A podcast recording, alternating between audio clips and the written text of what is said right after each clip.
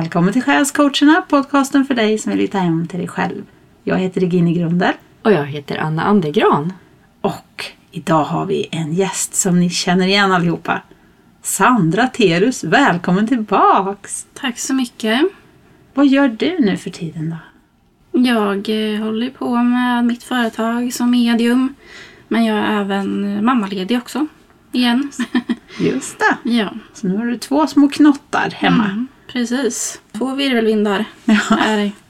ja, du har hunnit med ganska mycket sen du var med och spelade in podd med oss senast. Mm.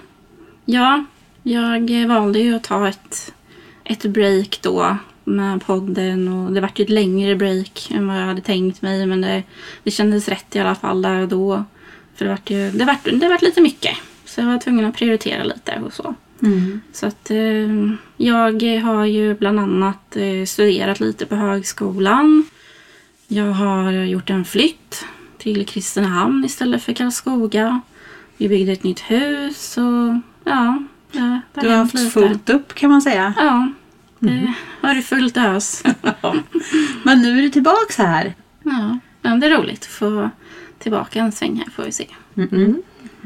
Ja, för idag hade vi ju tänkt pra- prata om just det här med mediumskap. Mm, Ha lite frågestund med dig. ja, Precis.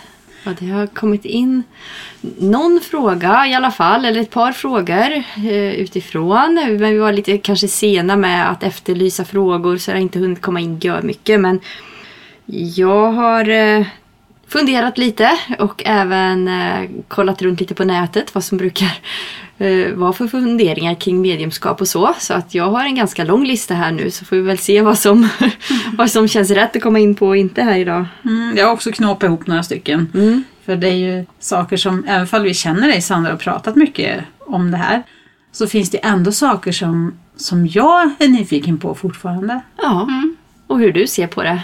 Även om jag kanske har min bild om en del saker och en del är mer oklart för mig också.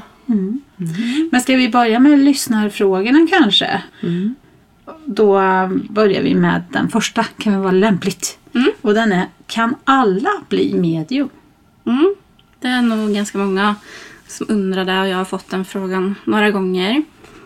Eh, att du blir ett medium. Ett medium håller ju på att eh, kommunicera med andevärlden. Det är ju liksom det huvudsysslan egentligen som ett medium gör. Eh, och kommunicera med andar kan man nog, det kan nog alla göra på ett eller annat sätt. Men hur mycket eller hur stor om, om liksom, hur mycket man kan göra är nog väldigt olika. Eh, man kan nog träna upp det om, om intresset finns. Finns inte intresset och man kanske inte ens har varit inne och nosat på det då, då kommer man inte kunna göra det. Men att känna av energierna från andevärlden på ett eller annat sätt det kan nog alla göra skulle jag vilja säga. Men många gånger när någon känner av det så går in det här förnuftet, liksom att man vill ha en, en logisk förklaring till varför man kanske känner saker och så vidare. Och kanske inte alls tror att det var just en ande som kom och besökte en från andra sidan. Eh, men att just jobba som ett medium skulle jag nog säga att inte alla kan göra. För det, det krävs väldigt mycket utav personen just eh, att orka jobba med energierna och även komma till en, en viss nivå också som krävs, skulle jag nog säga, att göra med det. Men att just känna av andevärlden kan nog, jag skulle nog säga att alla kan göra det. Om man är intresserad av det och vill. Mm. Och om man tränar upp sig så kan många också jobba med det. Men det kräver mycket träning. Förstod jag rätt då? Ja, jag tror inte att alla är ämnade att gå den vägen. Eh, om man säger så då. Eh, så jag tror inte att, eh, även om man nu skulle vilja kanske jobba som ett medium, så kanske man inte hinner nå dit i, i det här livet till exempel. Det kanske inte riktigt är den meningen. Eh, så att, ja, nej, alla, alla kan nog inte göra det, även om man skulle träna jättemycket. För det kanske inte riktigt är meningen, om man säger så då. I just det här livet till exempel. Men hur kan man veta om det är meningen då, Sandra? Ja, det är en bra fråga. Ehm, jag tror att det, om det är så att man verkligen ska göra det så tror jag att det är en återkommande väg hela tiden som man inte kan hoppa av bara. Eh, jag tror att är det så att man försöker undvika den här vägen och Eh, kanske ta ett paus ifrån det eller att man försöker stänga av eller någonting så tror jag ändå att själen vill komma till den här vägen och gå ändå på ett eller annat sätt. Och är det så att man avstår eller försöker avstå någonting som man är ämnad att göra så tror jag att man börjar må dåligt istället. Det är liksom en, en, en pusselbit som saknas hela tiden hos sig själv. Och jag tror inte att man eh, känner sig riktigt hemma heller då. Om det är så att man om det är ämnat att göra det helt enkelt. Eh, är det så att det verkligen är meningen att man ska jobba med det så tror jag att eh, pusselbitarna faller på plats automatiskt lite. Men är det så att det kan ju finnas olika anledningar till att man inte vill kanske. Det kanske är någonting som skrämmer en eller att man inte har fått den lärdomen man behöver för att förstå alla de här sakerna. Då kan det vara så att nej men jag vill inte hålla på med det här. Att man känner att man kanske flyr undan. Men ändå så blir man dit puffad ändå liksom. Mm. Så att jag tror att det är lite oundvikligt i så fall. Om mm. det är så att man ska hålla på med det. Man knuffas mm. dit vare sig man vill eller ja, inte. Ja, precis. Mm. Mm. Så men om någonting är ämnat eh, så har man ändå ett val att, att inte gå den vägen. Är det det du säger? Fast då mår man dåligt. Ja, jag skulle nog säga det i alla fall. Så det är inte nödvändigtvis förutbestämt men det kan ändå vara ämnat menat. Man har ju alltid ett val att göra men jag tror att man hela tiden kommer att sakna någonting eller att man inte är riktigt hemma i sig själv. Att man, det kanske finns en obalans liksom, så att man mår dåligt inombords. Mm. Tror jag. Ifall det är så att man försöker undvika någonting som verkligen är en mening att man ska göra. Mm.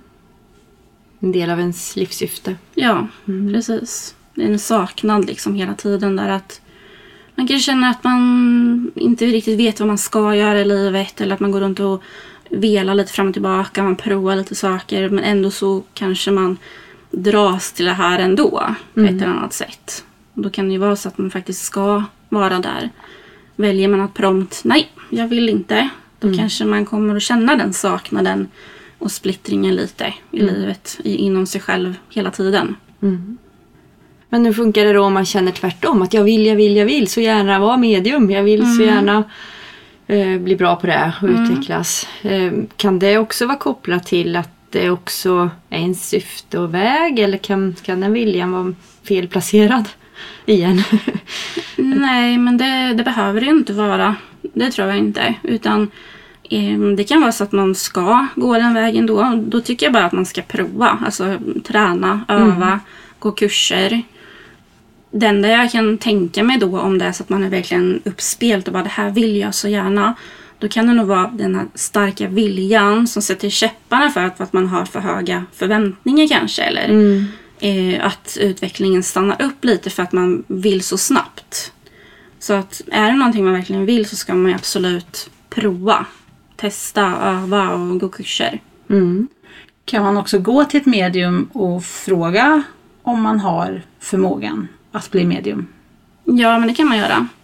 För ett medium känner jag av energierna kring den här personen som kommer till en. Ifall den är andlig, ifall den har några kunskaper. Man kan även känna av ifall man har eh, om man säger, släkt eller förfäder som höll på med samma sak kanske eller haft gåvan och så vidare. Så att det kan man absolut göra. Mm.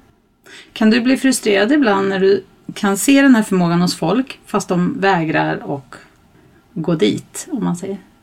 Nej, det har jag inte gjort. Eller jag blivit. Eh, utan jag har ju träffat på några sådana. Men jag känner bara att de kommer komma dit när tiden är mogen. Eller när de själva är mogna för att ta det steget. För många gånger så kan det vara så att man behöver uppleva saker i sitt eget liv. För det handlar mycket om personlig utveckling också. Det går liksom hand i hand. Så att det kan liksom... Eh, ja, jag, jag, brukar aldrig tänka riktigt så. Utan det, de kommer komma dit. Om det är meningen liksom. Mm. De följer sin väg. Ja, de hamnar där de ska till slut. Även om de tar en omväg. Liksom. Ja, mm.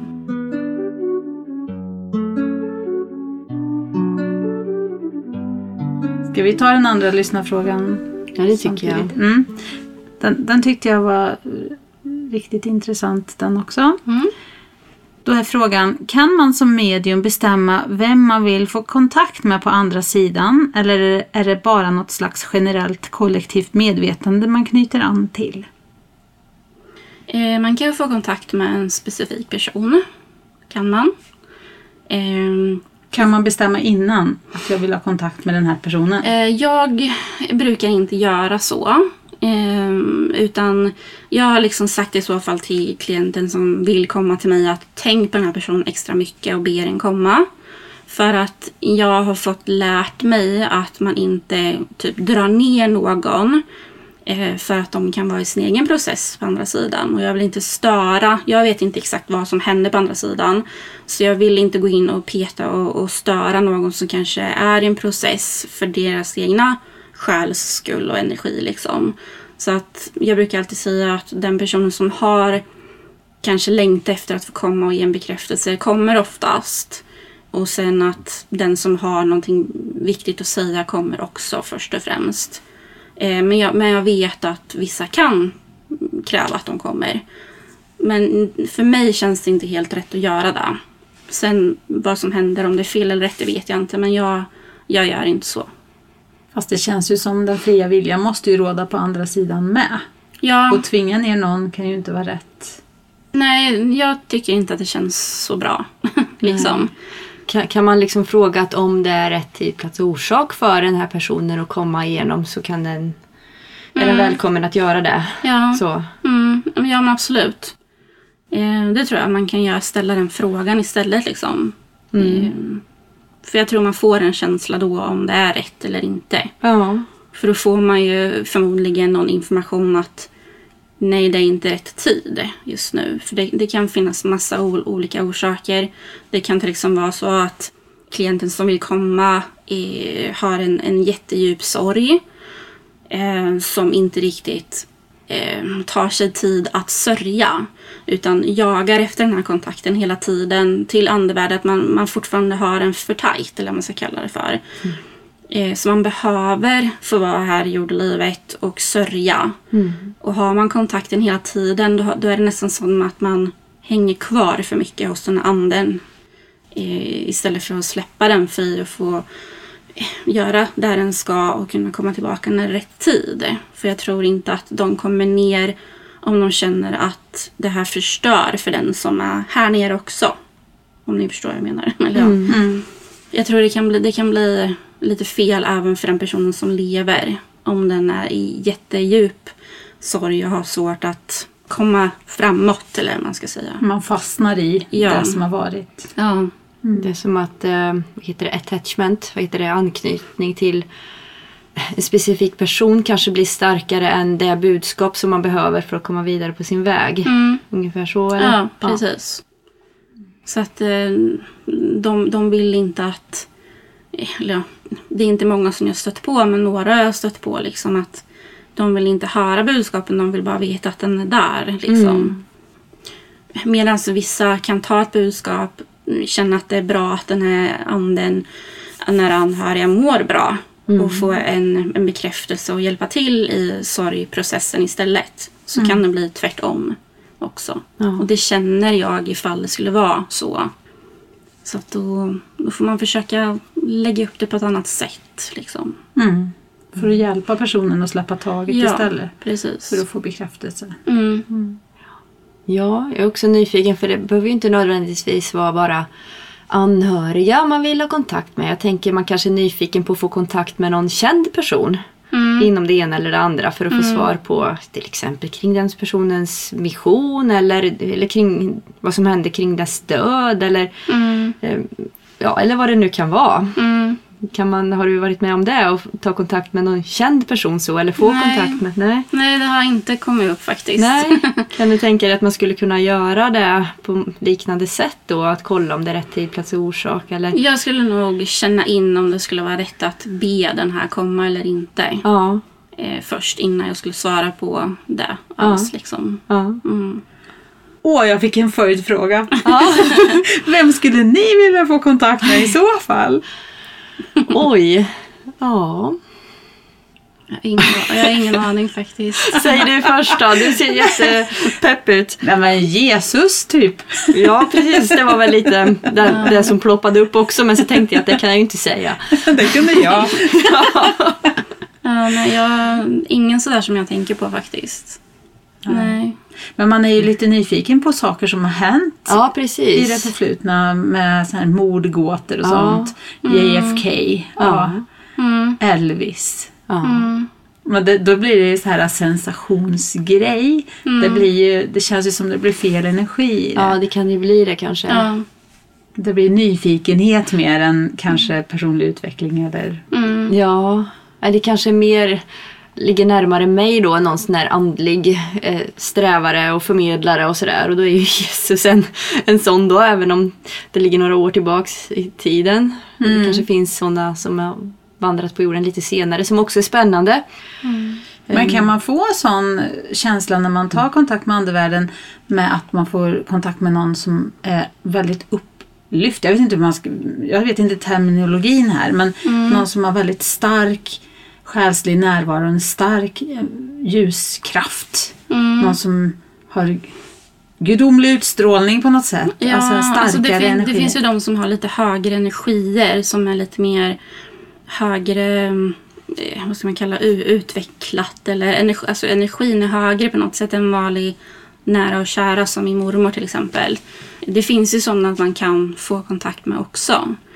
Eh, jag har inte varit där inne och nosat så mycket så jag vet inte om det bara är att be någon att komma för att man Ofta så kallar man ju på till exempel gudar eller änglar eller något högre väsen för att få information till sig. Mm. För att utvecklas eller för att dela med sig till, till världen till exempel. Mm.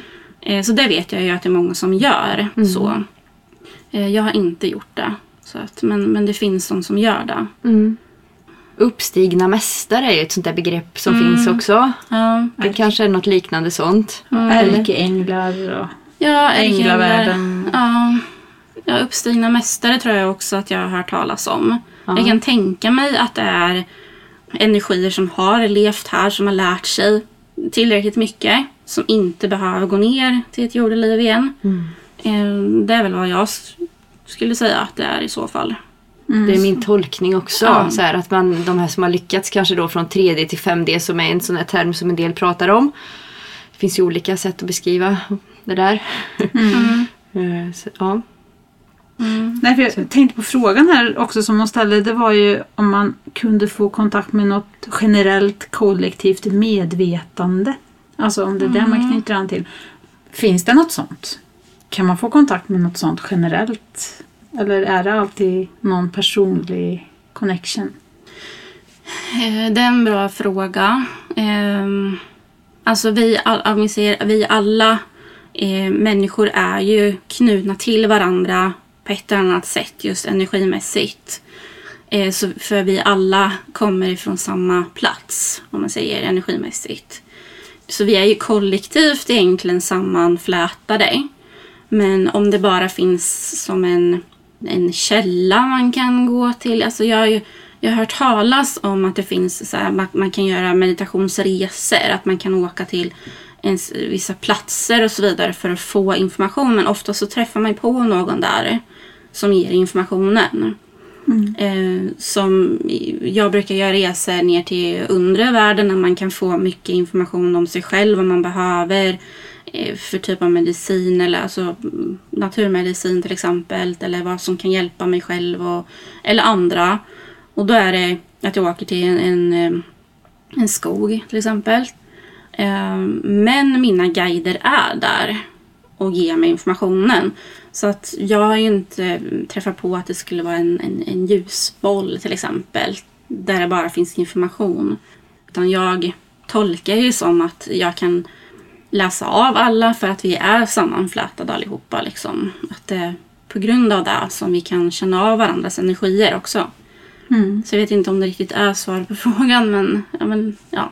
det är nog min tolkning och det som jag har själv upplevt. Man säger. Mm, det har kommit i form av en budbärare. Ja. Inte av ett generellt medvetande så. Nej, det finns ju, om vi säger väsen som inte riktigt, som inte har levt som en människa till exempel. Eh, Så där finns det lite skillnader på olika energier. Men eh, inte på det här sättet som i ett kollektivt så. Har jag, inte, jag har inte mött det i alla fall. Så jag kan inte svära på att det inte finns. Men ja. Det är en intressant fråga för jag har hört ibland sådana här som kanaliserar meddelanden att någon ibland kanaliserar från en själsgrupp till exempel. Att vi är en själsgrupp av eh, ljusvarelser bla. Och så får, kommer ett meddelande. Så det är ju någon form av kollektiv. Mm. Man kan ju också tänka sig att jag menar, om man tänker kollektiv i sin allra vidaste mening skulle väl vara Gud. Om man tar in allt, allt och alla som finns. Mm. Men jag vet inte, tänker du dig fortfarande att om man skulle få ett gudomligt eh, budskap så är det fortfarande via det mediala då? Är det fortfarande ett sånt andligt budskap eller är det på ett annat sätt då om man får det fr- från Gud eller universum eller alltså källan? Alltså, nej, jag kan kanalisera ibland när jag bara får till mig saker som jag vill förmedla. Då kan jag i och för sig tolka det som att det kommer ifrån en ren källa faktiskt. Eh, för att jag ser inte en viss person. Så jag tolkar ju känslan lite som så. Att då bara kommer det. Eh, sen har ju inte jag grottat in mig så mycket på om det faktiskt står någon där när jag får den informationen eller inte. Så det är en bra fråga. För det, jag tror att man kan tolka det på olika sätt. Hur man får till sig det liksom. Och vi måste ju ändå göra om det i våra hjärnor så att det blir begripligt för oss Mm. på något sätt när vi tar ner information som vi kanske inte egentligen skulle kunna förstå. Då kanske vi måste få det på ett sätt så att det blir logiskt för oss för att hjärnan ska bli nöjd och kunna hjälpa oss med att förmedla och, och vara en del i det också. Ja, alltså, vi människor vill gärna ha kontroll. Och vi vill ibland sätta namn på saker för att vi ska kunna ta informationen till oss. Som att har- vill ha namn på guider. För att det blir mer eh, påtagligt. Det blir, mer, det blir lättare att ta det liksom. Så att, men när jag får information till mig, ibland bryr jag mig inte ens vart det kommer ifrån. Utan bara känslan känns rätt. Så att då ser jag ju ingen. Och jag, jag lägger inte ner så mycket vikt i heller vem exakt det är som ger mig den då. Nej. Så att det kan ju vara så som du säger att man kanske behöver ha en, en man eller en kvinna eller ett djur eh, som ger oss informationen för att det ska bli mer hanterbart liksom, för Ja. oss. Mm. Så så kan det ju faktiskt vara. Det låter jättelogiskt för mig för så kan det vara med människor också tycker jag. jag. Det kan passera någon i flödet som säger någonting som jag bara känner ja så där är det ju. Och så vill jag dela med mig av det. Och så tycker någon annat ja fast den här personen förmedlar ju det här och det här och det här och det här så det kan du inte lyssna på. Men jag tycker att men just det där, som, alltså det kändes bra och det kändes rätt. Och där är det inte så viktigt vem som förmedlade för att budskapet var rätt. Och det känner man. Mm. Och så tänker jag att det kan vara med andevärlden också. Att det behöver inte vara att en är 100% rätt eller 100% fel utan det liksom är just det där som kom därifrån var rätt för mig. Ja, precis. Det som är sant är ju sant ändå. Ja, oavsett precis. vem som är källan till det. Mm. Exakt. Och det känner man. Ja, för vi, vi pratar ju mycket om det här med våran inre, vårt centrum och allt. Ja. Och att det känns ju som att det är där som man filtrerar informationen. ja. Och det är där som man känner om det är sant eller inte. Oavsett vart källan är på något sätt. ja. Eller vilket språkröret är. Typ. Ja, ja. ja. Mm. Ja. Så det är nog den förklaringen jag kan ge i alla fall. Jag har jättebra förklarat måste jag säga. Det Ja. är inga lätta frågor vi Nej, skickar nej, på det dig. är det inte. enkelt.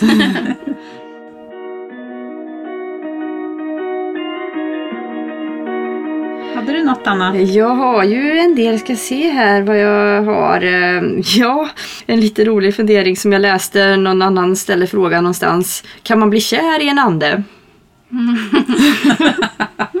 Det var en oväntad fråga. Ja. Ja, alltså... Ja, det kan man säkert bli. Man Ja. kan säkert bli, tycka om den energin som kommer till exempel. Mm. Eh, sen om det är så hälsosamt att göra det mentalt är en helt annan femma kan Ja. jag tycka. Men jag vet att det finns människor som fastnar så pass mycket i energin. För anden som påverkar en person så pass mycket att den blir kär i anden kan inte jag tycka är upplyft eller har gått vidare helt enkelt så. Utan den är förmodligen ganska låg och tycker om energin som den kan ta av personen som lever. Eller hur? Ja, om ni förstår. För vissa låga energier, låga andar tycker om att livnära sig nästan på eh, människor. Så därför hänger den kvar. Den kan ge en väldigt härlig känsla, den kan säga massa fina saker för att fortfarande få vara kvar och ta av energin. Eh, både mm, låga negativa andar och lägre väsen kan göra så. De ger för att kunna ta, om man förklarar det så. Är det det man kallar spöken? Eh, ja, många kallar det för spöken, men det, det är en vanlig ande som inte riktigt har gått vidare till andra sidan. För är det en, en, en ande som har gått vidare helt och hållet så har den inga, inget ego. Det finns inget, inget så här att man måste ha eller ta av någon annan. Eller, den blir liksom ren och neutral och, och så vidare. Eh, Så jag har, jag har träffat på två fall eh, under tiden som jag har jobbat i alla fall. Där de har jättesvårt, de, de vet att de inte mår bra egentligen av anden som är hemma hos dem. Men när den till exempel drömmer eller någonting så är det en jättehärlig känsla för att anden närmar sig. Eh, men den manipulerar eller vad det kallas för. För att inte behöva gå vidare utan få vara kvar och leva i energin. Påverka den här människan som lever. Och den här personen eh, på ett sätt inte vill bli av med den heller. Liksom, det blir någon mentalt... Är ett band mellan... Ja, det blir ett band liksom, som man både vill bli av med och inte vill bli av med. På Ja, något ja. sätt, liksom. Så du skulle säga att det går inte att ha ett sunt kärleksförhållande med en andevarelse? nej, nej. Nej, okej. nej. Nej. Okej. Nej, för jag tänkte också det är lite roligt det här man, när man gifter sig så lovar man ju ofta att man ska älska varandra i nöd och lust tills döden skiljer en åt. Mm. Men om man är medial då och man liksom döden inte riktigt skiljer en åt utan man liksom vad, vad innebär det då liksom? Vad, är ändå ett, ska man ändå göra ett bryt och ett avslut Ja, där? ja, det behöver man göra. Ja. Annars är det väldigt svårt att leva vidare. Liksom. ja. Eh, Dels liksom för, vad ska man säga, eh, känslomässigt tror jag. Ja. Och sorgen behöver också läkas och flyta på. Mm. Eller vad man ska säga. Så att man, ja nej. Mm, Jag tror inte att man skulle må så bra av att tänka så om ens man till exempel går bort. Nej. Liksom. Det, det, det blir väldigt svårt att gå vidare liksom, känslomässigt och, och mentalt. Så jag rekommenderar att försöka gå vidare i så fall. Ja. Okej. Jag funderar just på det här med andar som fastnar och inte släpper greppet riktigt om den här världen som vi lever i här. Är det så att det är alltid anden själv som inte är mogen att gå vidare? Eller kan det vara så att den hålls kvar av de som är här? Eller uppgiften inte är klar? Alltså att det är något energifält här som håller kvar den. Eh, jag tror att det kan vara eh, både, eh, vad ska man säga, att antingen att man går bort för fort och inte hänger med riktigt medvetet liksom vad som händer i, i den processen, att man fortfarande blir kvar. Det kan också vara så att man eh, har oavklarade saker eller att man på något sätt inte väljer att gå vidare helt och hållet. Att man fortfarande dras tillbaka lite, antingen till en plats kanske eller till en person. Jag tror på ett sätt att man går över men om det är så att det är någonting som verkligen drar tillbaka så tror jag att man nästan pausar lite i att fullfölja alla processer som är där. Ehm, jag har inte känt av det här själv men jag fick höra för några år sedan att det var en som sörjde så mycket för sin nära att den här anden hade svårt att liksom gå vidare helt och hållet eh, För att sorgen var så stor. Eh, Och det kan vara så att vi tänker på den hela tiden. Att man har någon slags kraftkälla inom sig som gör att man uh, håller i på något sätt. Eh, så att jag, jag tror att det kan vara så att det är dels platsen eller att man inte hinner med i processen att man har dött. Att inte alla riktigt vet om att de har dött. Kan man förebygga det här? För jag känner så här att jag skulle inte vilja fastna där. Jag tror inte att du skulle göra det på grund av att liksom... Jag tror... Det är svårt att säga, men eh, förebygga... Är det en olycka till exempel så går det ju väldigt fort. Men änglarna är oftast med och hjälper till över. Så att eh, det som folk kanske upplever i hus och sånt där, nu gamla hus. Det kan även vara platsminnen i väggar som de också känner av. Så det behöver inte alltid vara en, en andeenergi som är aktiv där. Utan det kan vara så att det är minnen i väggarna. Eh, sen så finns det även portaler på olika platser. Eh, där det verkligen är så här riktiga spökhus så kan det vara så att det är en portal där som andarna åker, åker tillbaka in i för att komma till platsen även om de har gått vidare. Så att det, där är det väldigt svårt att liksom få det helt lugnt. För att portalen är öppen, de kommer och går lite som de vill. Mm. Så att då behöver man vara väldigt många i så fall som stänger portalen helt och hållet. Men det krävs jättemycket energi för att göra en sån sak. Liksom. Vart det lite luddigt där? Eller? Man, man behöver inte gå omkring och vara rädd för att man ska bli en- en jordbunden ande här som Nej. spökar. Nej, det tycker jag inte. Nej, vad bra. Då släpper vi det. Ja.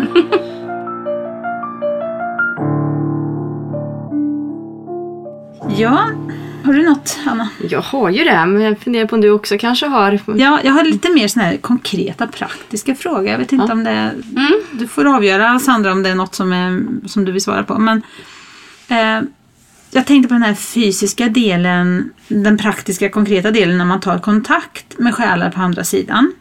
Dels hur du gör, hur man kan träna upp det, men också hur det känns. Mm. Um, när jag eh, tar kontakten så använder jag mig av intuitionen främst. Eh, jag får till mig både känslor så jag, jag kan känna av anden, hur den var som person till exempel. Det är som att jag själv blir den personen. Eh, jag ser även bilder framför mig så jag kan ju se när anden kommer, jag kan förklara hur den ser ut och den kan även visa mig hur den bodde och så vidare. Så att eh, det känns inte på något speciellt sätt sådär liksom när där de kommer utan det är ju mer att jag börjar se saker eller ser en ande eller och sen om jag börjar fråga fråga om hur var du som person och så vidare då blir det att det går in i, i mig att jag förklarar utifrån mina egna känslor som de förmedlar kan man ju säga då. Så att det är hela tiden intuitionen i grund och botten som gör att man kan ta emot informationen och även förmedla den utåt. Då. Och träningen ligger mycket i att lita på intuitionen, eller? För jag kan tänka Ja. mig att det är en stor risk att man börjar tänka så här, ja men nu hittar jag på. Mm. Ja, alltså om det är någon som vill öva på det så är det ju meditation som är jätteviktigt också för då kan man lära sig att slappna av och stilla allas tankar och allting som kommer och går hela tiden. För man ska vara är ju helt tom egentligen för att kunna ta in informationen och kunna tolka den. Så att det är ju där man behöver börja, att meditera, att stilla sinnet och bara vara utan att tänka mer än kanske på att man andas in och ut. Sen börjar kalla på sina guider till exempel och skriver ner lite vad det är man känner eller ser och så vidare så att man bygger upp energin. Och sen ber man guiderna att ta ner någon ifrån världen till en person som sitter framför dig eller till en själv. För att det är alltid en guide som hjälper till med det. Eh, dels för att ge dig skydd och eh, för att kunna hjälpa till i överföringen av informationen också. Så att det, då är det ju intuitionen där att du litar på dig. Och det är ju lättare att förstå då det vilken information som kommer eller om det är någonting man hittar på. Ofta så brukar jag säga att det är en ganska hårfin gräns där. För att får du till dig informationen så går den snabbt. Då kommer den direkt. Du hinner inte egentligen fundera så mycket. Börjar du fundera och grubbla lite, då är det dina egna tankar. Så att man ska, när man tränar på det så ska man bara rabbla ut det första man tänker på. eh, Eller känner. Utan att sen fundera på varför känner jag så här eller varför ser jag så här. Utan det, det spelar ingen roll. Det behöver man inte ens försöka tänka på. Utan ofta så är det personen som sitter framför som förstår. Du som förmedlar förstår inte så mycket egentligen. Så att jag brukar säga att det första som kommer till dig som du tänker på eller känner så bara vräka ur dig det. Börjar du sitta och traggla och blunda och det går segt och ja, man börjar fundera lite. Då är det inte riktigt flödet på information som kommer. Men du pratar om att du ser, ser saker och så. Då ser du det för din inre syn va? Ja. Ja, har du någon gång liksom sett med dina fysiska ögon några andevarelser? Eh, alltså, det blir ju som en liten eh, silhuett eller vad man ska säga. Senast igår så såg jag en i, i min dotters sovrum när jag satt och kollade på TVn. Och då är, då är det. Det blir ju nästan som att man ser den fast det blir liksom inte riktigt som jag ser dig. Nej. Utan det blir som en silhuett eller en pro- projektor som bara liksom visar upp en bild. Typ. Så det sker ju egentligen inombords fast det liksom det är som att man sätter upp en klisterlapp där eller något. Mhm. Det är många som är rädda för den här världen. Mm. För andra sidan och för andar och att se saker och sådär. Har du något tips och råd till dem? Hur de, kan man skydda sig på något sätt? Kan man säga att jag vill inte ha någon kontakt, lämna mig fri? Eller kan man, kan man undvika det här om man känner att man verkligen, verkligen inte vill ha det i närheten av sig? Eh, ja, alltså oftast när de blir så intensiva så är det oftast någonting som de vill förmedla egentligen. Så att det bästa är ju att låta dem få prata och, och berätta vad är det de vill. Men klar, vågar man inte göra det själv så kanske man ska ta dit någon som förmedlar åt dig. Men annars så är det ju att man börjar bli mer bestämd över. Alltså man, man blir, får, måste vara bestämd att det här är mitt hus. Det här är mitt hem. Här får ni inte vara. Det är ju, så att man måste dra en gräns. Liksom. Är det så att man vacklar lite och är lite ja, ja, snälla var inte här. Alltså, då, nej, då, det blir liksom inget stabilt skydd då. Man måste vara, det är, det är jag som bestämmer det här. Jag bor här. Eh, man kan även liksom visualisera att man är i en egen skyddsbubbla. Att auran är väldigt stark runt omkring dig. Och man kan liksom eh, fokusera på en stabil aura varje dag liksom, för att bygga upp det mer starkare. Och att man tänker att ingen annan energi får komma in i min bubbla. Så att man, man gör regelbundet för att bli det mentalt starkare. För det mentalt du godkänner oftast när någon kommer för nära så har du på ett eller annat sätt godkänt det. Liksom. Att ja, man är lite nyfiken kanske. Ändå. Fast man egentligen inte vågar så har man ändå ja, låtit dem komma lite nära. Så att mitt tips är väl egentligen att mm, mentalt bygga upp ett, liksom ett skydd. Att hit men inte längre och vara väldigt bestämd också. Sen är det väl viktigt att ha respekt för det här också. Och inte bara leka med det liksom på skoj som många gör och sen så Nej. kanske de får besök som de inte alls hade väntat sig. Ja, alltså man, man ser ju det lite för ofta nu att, de, att människor som går till, till eh, hemsökta hus och så vidare, att de ropar på allt möjligt. Och bjuder in och liksom kom hit och vet man inte vad man håller på med så kan ju en energi väldigt lätt haka på hem. Och då, då kan det bli väldigt stökigt.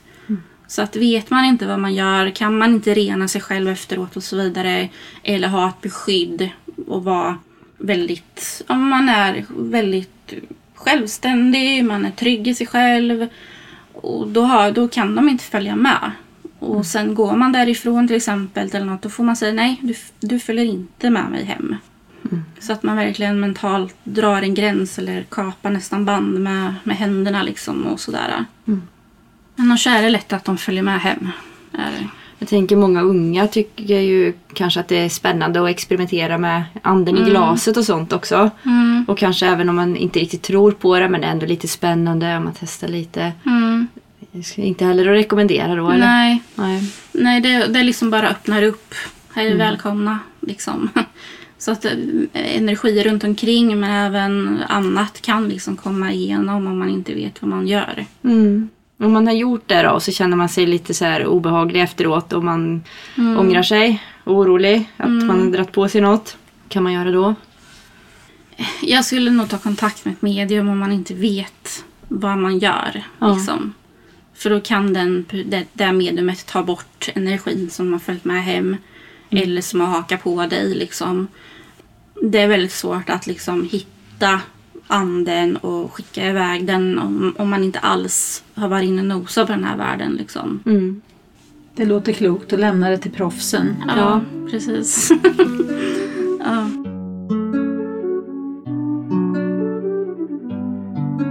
Ja, nu, jag har nog faktiskt betat igenom. Du har svarat på flera stycken som jag hade här redan. Så, har du några frågor, Anna? Ja, kvar? en sån här allmän mediumfråga också. em, Liksom när du är ute och rör dig bland folk sådär. Känner du av folk? Alltså, Mm. plockar du upp saker om folk i din närhet så när du bara passerar? Eller sätter du inte på det sökarsiktet? Eller liksom, hur funkar det? Ehm, Sökarsiktet. Ja, men Roligt ord. Ja, jag tänker, behöver man liksom känna sig orolig att bara oj då, en som är medial, bäst jag håller mig undan så den inte plockar upp det här och det här om mig. Alla mina hemligheter liksom, eller hur? Ja. Nej, alltså skulle jag vilja ta reda på någonting så skulle jag kunna göra det. Ja. Men jag inkräktar ju samtidigt på någons privata liv. Så nyfiken är jag inte så att jag gör det. Utan visst, jag- går jag in i en affär och jag känner någon liksom, som kanske inte alls mår bra.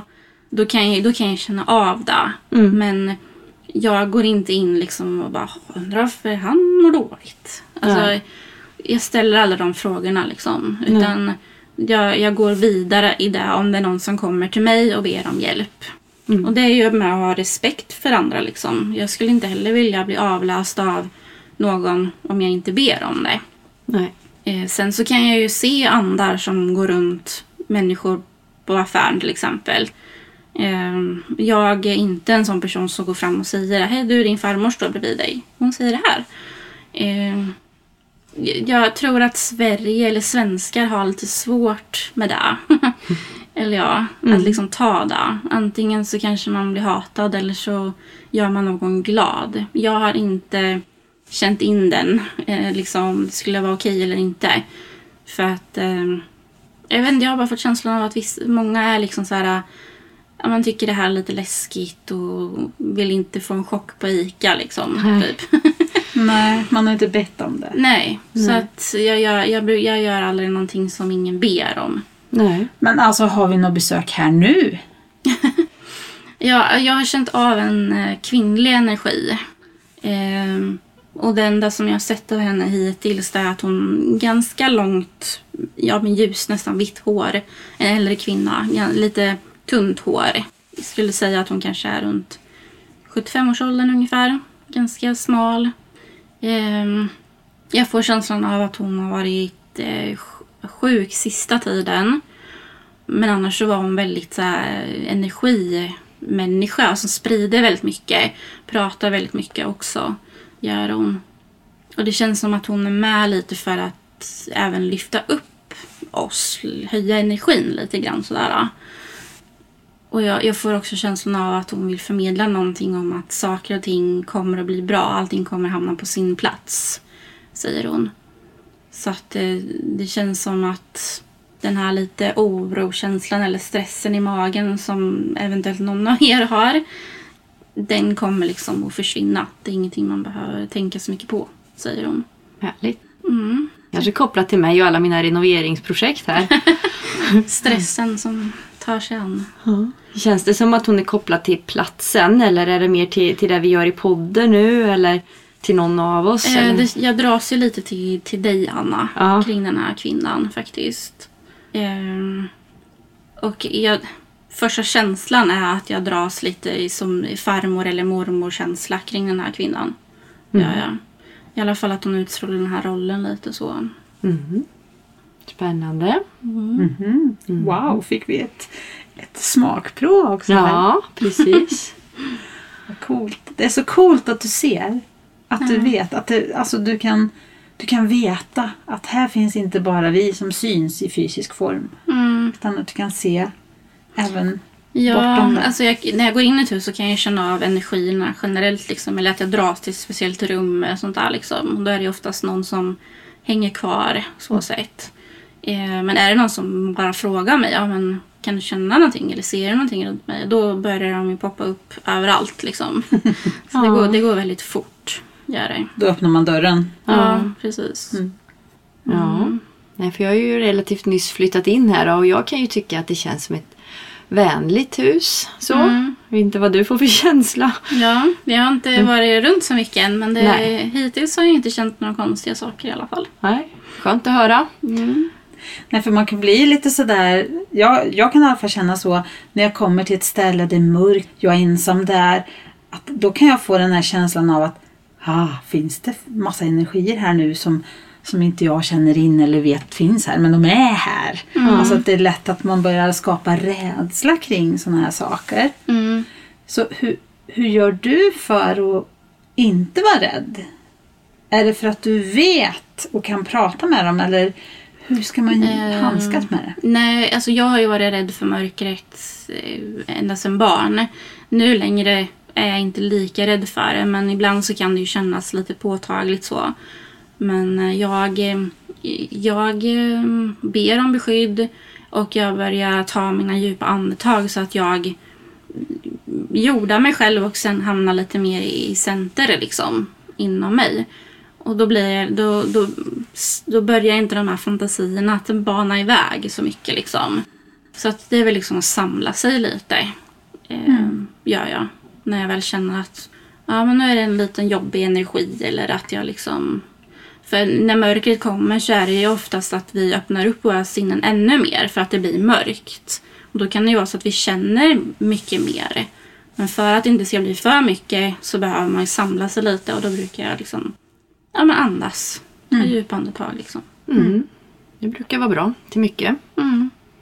Mm. Ja, sen har jag en sån här allmän, kanske lite sto- stor fråga. Jag vet inte om det är rätt eh, sammanhang, men eh, kring allt det här som pågår i världen nu. Kan du känna in liksom vad, vad som är syftet eller meningen med den här stora processen vi är i? Alla stora världsproblem och Mm. så. Alltså, jag har ju... Det har ju varit många frågetecken under en tid nu för Mm. mig också. Ehm, det var väl nu i somras som jag verkligen satte mig ner och, och kände in och drog lite kort för det var liksom vad, vad meningen är bara generellt. Jag behövde inte ha så mycket jättetydliga svar egentligen.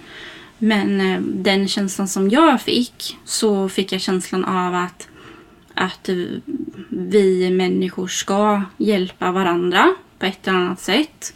Att vi ska liksom ja, men hjälpa, vi ska stötta varandra egentligen. Eh, vi går in i en ny tid. Eh, mer, en, mer en ny tid än, en period egentligen. Så det är nästan som att nytt kapitel går vi in i. Vi har inte riktigt kommit in där än men vi är på god väg. Och eh, vi, det, ska, det ska bli balans bara, har jag fått till mig.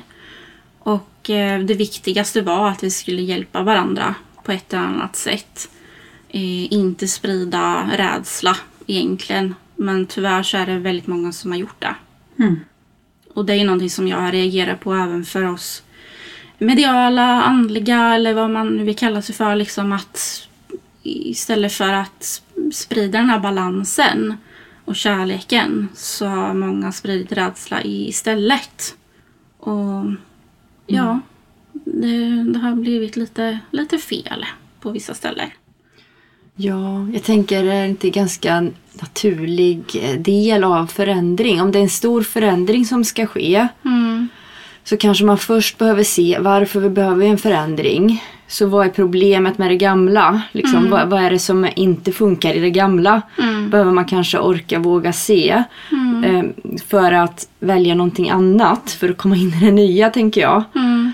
Eh, och då blir det ju att en del kanske driver på väldigt hårt och visar på det som är dåligt. På ett sätt som kan vara skrämmande för dem som, ja, som man ser det som, man kanske vill hålla kvar det gamla. Man kanske vill se det som är bra med det gamla. Man kanske inte vill se att det kan vara problem med det gamla. Man kanske tycker att då sprider de rädsla som påvisar problemen med det gamla. Då kanske man tycker att de är problemet som sprider rädsla.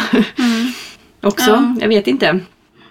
Så delvis kanske det behövs för att till slut eh, om man blir rädd för det så kanske man behöver hitta, okej men om det där är läskigt, vad är bättre? Vad, vad kan vi göra så att inte ja, det där läskiga får styra längre utan att vi väljer någonting bättre?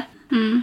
Alltså det här med rädslor, det, det får ju hjärnan till oss att köra sina tricks liksom. Och eh, det är ju det som får oss var och en ur balans också.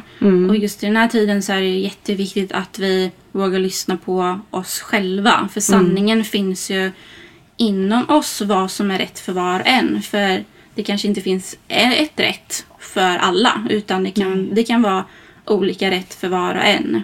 Och det är där som jag vill lyfta fram att det liksom är viktigt att våga stanna upp, pausa, centrera sig och lyssna på vad, är, vad känns rätt för mig. Vad, vad, någon, en, vad någon annan än säger runt omkring mig, men vad känns rätt för mig. För att det som känns rätt för mig kanske inte är rätt för dig och så vidare. Liksom. Mm. Och det är där tror jag att det är det som är vägen ut från det här kaoset som är just Ja. nu. Det tror jag också. Mm. Well Ja. said. Verkligen. Ja. Så det är där som jag har fått, fått känslan till att jag, det är många som har frågat om just saker som, har- som har med det som händer nu och förra året och så vidare. Men jag har alltid förmedlat, jag kan inte svara på det för att du ska göra dina egna val under den här tiden som är. Mm. Och du måste lita på din egen känsla, vad som är rätt för dig. Så att eh, det är utmanande tider. Det är det verkligen. Men tror du att det finns något syfte med den här splittringen och polariseringen som är också? Eller är det ett misstag? Är det att det har blivit fel som du kanske var inne på? Eller finns det ett syfte med det också? Alltså jag tror det finns ett syfte. Det känns som att allting behöver skaka runt i grytan för att det ska bli någonting utav det. Eh, Det är en prövning skulle jag nog säga. För vi som bor på den här jorden. Så att jag, jag vet bara, jag har tillit till att vi kommer att hamna där vi ska. Och det, det är väldigt mycket med just energiförändringarna hos oss, medvetande, förändringar, allting liksom. Så att jag tror att vi, vi som ändå, vi som vågar lyssna på oss själva eller jag tror att vi hamnar rätt liksom. Jag tror att det blir som ringar på vattnet också på ett eller annat sätt liksom. Så att jag, jag vet inte, jag känner mig inte orolig för vad som kommer Nej. ändå. Jag känner mig ändå lugn fast jag egentligen inte vet vad exakt som kommer. Men det är ju lätt att tänka att alla de här förändringarna och kaoset och rädslor och så, att det bara är negativt också. Mm. Men det är ju, det är ju som många kloka människor säger att utan rädsla, omskakning, att världen darrar så utvecklas man ju inte heller. Nej. Så det kanske behövs för att vi ska ta steget in i oss själva och hitta våran grund. Mm. Vi kanske behöver bli omskakade för att börja lyssna. Ja. Kanske bra att det är förvirrat där ute med information och grejer för till slut har vi bara oss själva att att verifiera mot. ja. Ja.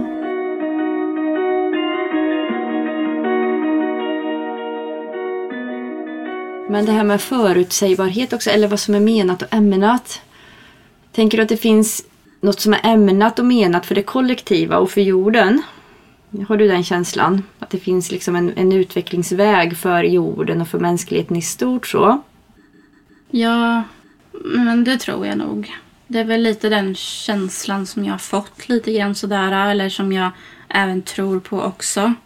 Ehm, jag, jag ju bara liksom, eller jag nästan önskar lite att saker och ting bara, vi drar ut pluggen och börjar om från början. Lite så. För att vi ska liksom komma hem till vår egna natur.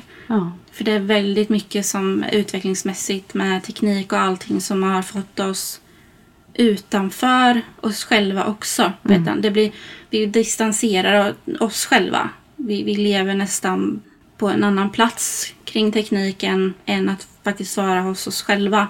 Och jag vet inte riktigt, men det känns som att liksom vägen vi ska till är hur vägen än ser ut så ska vi ändå hamna inom oss själva igen. Och, ja. det varit lite så här filosofiskt och stort kände jag nu. Men... Ja, men för det är ju något som sker på individuell nivå. Men det är även dit vi är på väg då allihop eller? Alltså, Ja, ja, men det tror jag. Fast det blir ju ändå, vi har ju levt på många olika nivåer. Vi är inte alla på samma nivå, eller man säger, Nej. medvetandemässigt. Men på ett eller annat sätt så tror jag att alla tvingas till att bli mer medvetna. Fast vi ändå hamnar på olika nivåer sen också, om man säger. Men jag tror ändå att det liksom saker och ting händer där man verkligen får börja tänka om lite, prioritera om och det blir väldigt mycket fokus på att må bra själv. Varje individ ska må bättre. Man märker ju att just de alternativa metoderna blir mer attraktiva för att det dels hjälper men att folk börjar tänka, tänka mer kring vad som är bra för oss. Liksom. mm. Så att det har ändå påbörjat tror jag för länge sedan, just den här förändringen. Men nu tror jag det skakar till ordentligt för att kunna ta nästa steg. Ja. Och då tänker jag så här också. Att om någonting var ämnat och menat så var det inte förutbestämt. För en själv pratade vi om förut. Att man kan fortfarande välja att inte gå den vägen som är ämnat och menat. Och då mår man kanske dåligt. Jag tänker på kollektiv, på individuell nivå tror jag att det är så. På kollektiv nivå vet jag inte. Om vi samskapar våran framtid eller om det på något vis är förutbestämt att vi kommer lyckas. Eller om det är verkligen upp till var och en att bestämma sig för det för sig själv. Ja, det känns ju mer vettigt så som du förklarar det tycker jag. För att vi har ju alltid ett val. Och är det så att jag känner att den här förändringen, för alla förändringar är ju, är ju otäcka för många. Det kan vara väldigt jobbigt att gå igenom förändringar. Och är det att man motarbetar hela tiden förändring, att nej jag vill inte känna det här eller jag vill inte in- se det här. Så blir det att antingen vägen blir jättelång tills du kommer dit du egentligen ska. eh, Eller så kommer du må dåligt. Mm. Så att jag, var och en behöver ju utgå ifrån sig själv. Sen känns det som att i långa loppet så kommer det ändå att sprida sig till, ja, till de närmsta och så vidare och så vidare. Så att, ja. Ja. Alla kommer i mål till slut fast det kanske tar olika lång tid. Ja, Ja. precis. Mm. Men det här att hitta hem till sig själv som du pratade om. Det pratar vi mycket om också. Men i de här tiderna, skakigt på utsidan och kanske blir skakigt på insidan. Har du något tips och råd till människorna hur de ska kunna hitta dit? Jag tror att det är viktigt att göra saker som man mår bra utav främst. Och våga göra saker som man mår bra utav. Men också att liksom kanske gå ut i naturen där man blir jordad, där man kanske hör tankarna mycket mer tydligare vad som faktiskt försiggår här. Ifrågasätta tankar och känslor. Om det är så att jag behöver vara rädd kanske för det som jag känner. Eller om jag inte behöver göra det. För det känns som att när man frågar saker som man känner, ifrågasätter, att man faktiskt får lite klarhet kring det. Att har jag ens en, en eh, har jag rätt till eller behöver jag vara rädd för det här som jag snappar upp eller hör och så vidare. Och, och lyssna på sitt inre, lyssna på magkänslan. Ja men du, jag blir stressad av att känna, eller fråga. Eller nej, men jag känner ändå ett lugn. Och lita på det här lugna i så fall. För det är där, alltså, man, var och en sitter fortfarande på alla svar kring vad man ska välja i livet eller vad- hur man ska göra för val och hur man ska tolka information och allting sånt. Så det, att liksom gå ut i naturen eller göra saker som man mår bra utav. Att man inte gör val kanske när man mår som sämst.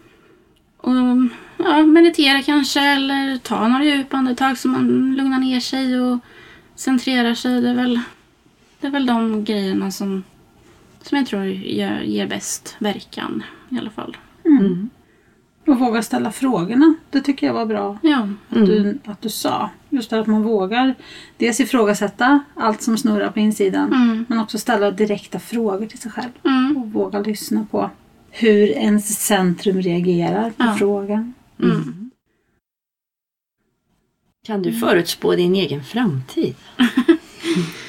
Eh, nej, inte fullt ut. Nej. Jag kan, jag kan nog känna av vissa bitar att det, det kommer bli så här kanske kring det här eller att man får ändå in liten hint sådär.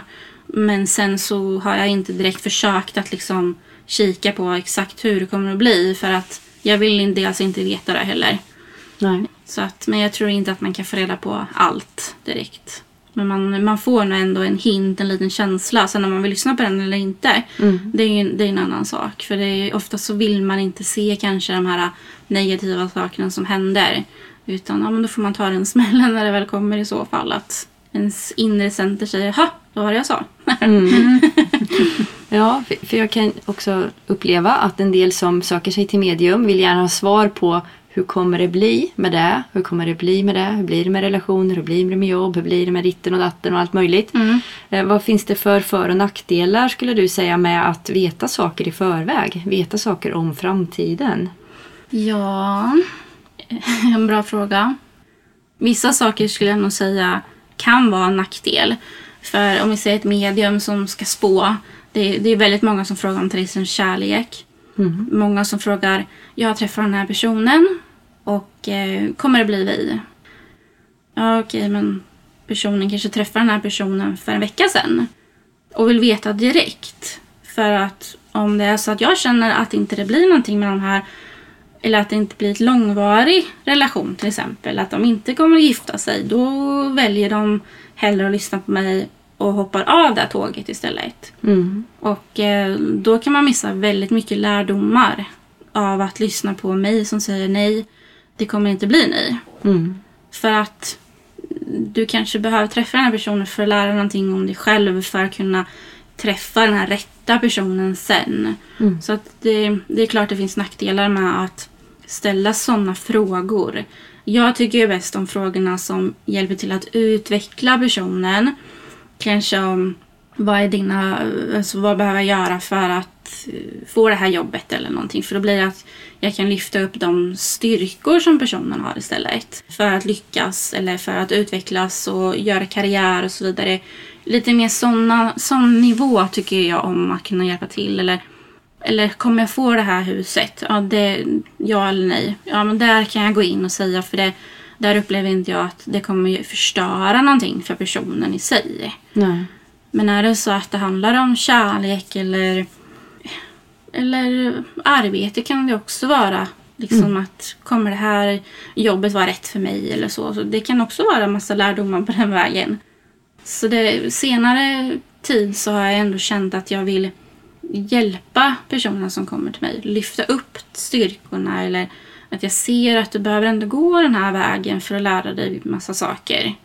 Så um, linda är väl linda lite snyggt här så att de ändå inte liksom bara går in fyrkantigt och bara ja eller nej eller ja, nej den här killen är inte värd att ta eller ja, då, då kan jag strunta i den på en gång. Ja, kanske borde vara mer vad behöver jag lösa i mig för att kunna träffa någon som är riktigt bra ja, för mig. Precis. Alltså, mm. mm. Det är ju en jättebra fråga att Mm. ställa där istället. För att är det så att man har svårt att träffa någon eller att man har svårt att behålla relationen eller någonting så är det ju oftast någonting man behöver kanske få en insikt kring eller att man ja, men du kanske går i fel mönster kring män eller kvinnor och så vidare och hitta de här pusselbitarna som hjälper till istället.